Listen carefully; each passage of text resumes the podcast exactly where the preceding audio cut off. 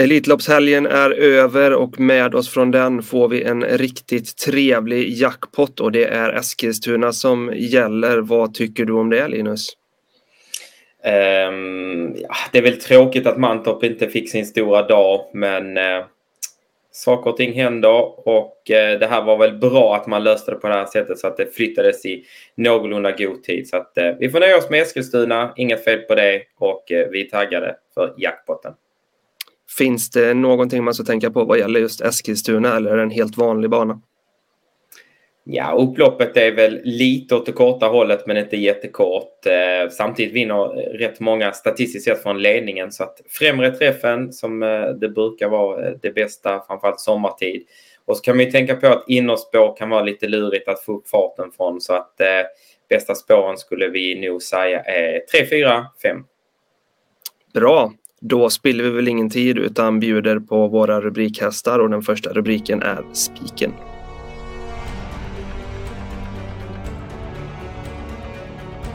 Och den hittar vi i vilken avdelning då? Vi eh, får vänta till den sista avdelningen, V75 7 och eh, häst nummer 7 faktiskt, Lara Bocco som är årsdebut. Den som hänger med i travet vet ju att det här var kullettan bland stona i fjol då, fyraåringarna. Och eh, ja, hon står ju väldigt fint inne i det här eh, silverloppet då som är öppet för ston oavsett hur mycket de har tjänat och eh, ja, tjänat pengar har Lara Bucco gjort. Hon står nämligen på 9,7 miljoner, nästan 9,8 miljoner. Och det är ju ett par miljoner mer än vad eh, killarna har fått tjäna i samma lopp. Timo Nomos, han eh, låter mycket nöjd med träningsrapporterna inför. Hans hästar behöver sällan lopp i kroppen. Vi vet att Lara Bocco, hon eh, tål att göra en hel del jobb själv och eh, ja, är hon som hon brukar vara, då ska det här vara riktigt bra chans. Vad kan du säga om konkurrenterna? Är det upplagt? Det är väl lite frågan hur man väljer att göra här. Ehm, tre Laraja Vrajtaut har vi lärt känna som en väldigt startsam häst. Där låter det dock från Konalugao som att man vill köra ryggar. Och då är ju frågan vem som är snabbast eh, fram att överta. Det kan vara så att det är fem Great Skills då med Daniel Wäjersten som tampades mot Lara Boko under fjolåret.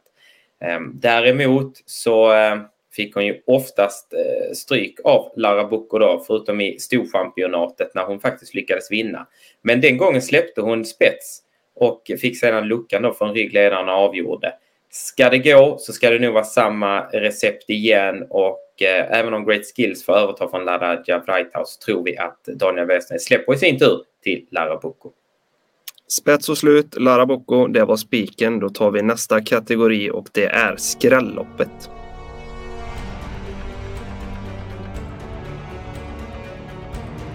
Vart ska vi då leta efter skrällar, Linus?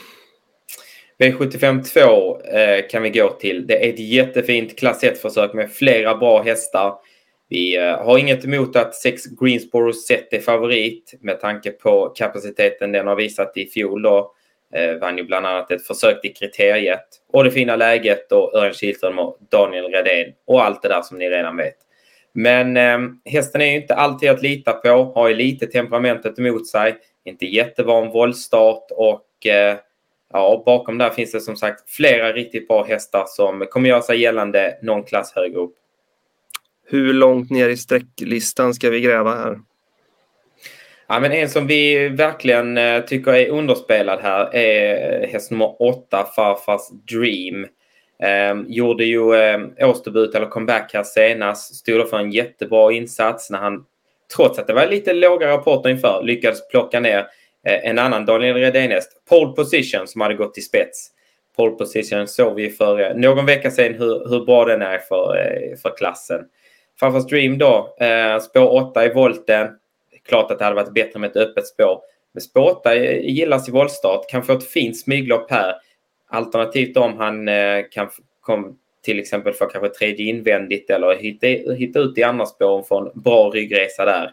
Um, har han dessutom gått framåt med loppet senast, vilket vi tror och som André Eklund också verkar tro som tränare och kör. Äh, då, då ska han, eh, Farfars Dream inte vara streckat på under 5 så att eh, passa upp här. Det låter bra det. Kan du nämna någon mer?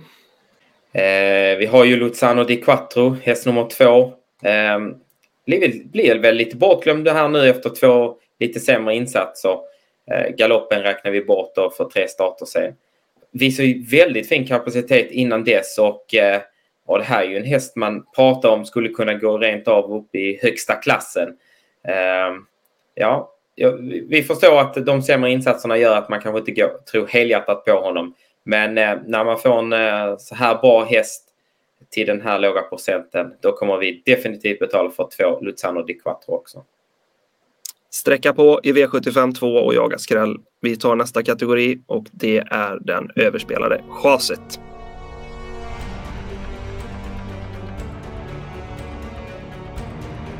Ja, det handlar om en betrodd häst som vi inte riktigt köper, Linus. Vad har du hittat? V75 1 är ett väldigt jämspelat lopp. Eh, vi har nämligen två, fyra, vi har sex hästar sträckade på över 10 eller mellan 10 till 20 en av dem tycker vi inte ska vara det och det är häst nummer 10, Yellow V. Kommer visserligen från en seger, men fick det verkligen kört i halsen då när det var riktigt tuff körning och han kunde bida sin tid i kön. Tidsmässigt 13.09. Ja, men det är väl en eh, helt okej okay tid eh, för klassen över lång distans. Men man ska också tänka på att det var Färjestad och Färjestads bana är väldigt snabb så man kan nästan plussa på någon sekund där för att få ett mer rättvis eh, tidsnotering.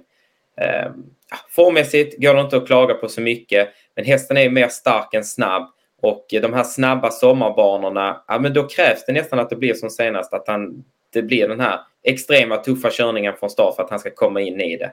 Skulle han sitta några hack längre bak här mot eh, ganska bra motståndare, ah, då har vi svårt att säga att eh, han har farten nog att sporta ner dem. Så att, eh, nej, 10 Yellow V kan vi gärna lämna utanför kupongen till över 10% Det låter ju som ett lite speltekniskt drag det här när det är så, så jämspelat eh, så att säga. Är det läge att gå kort här kanske? Ja men så är det ju. Ska man, eh, man spelar ju mot övriga V75-spelare och sitta och sträcka de sex hästar som alla är betrodda. Då, ehm, ja, då har man ju kastat bort en del pengar redan i den inledande avdelningen. Så att eh, den fräcka går, så eh, spikar ju sig ur ett sånt här lopp men det kan också vara modigt och klokt att kanske bara ta 2-3. Då gör vi så. Då lyder slutsummeringen så här att vi spikar Lara Bocco i V75 7. Skrälloppet det är V75 2 och sen står vi över Yellow V i den första avdelningen. Tack för att ni tittade!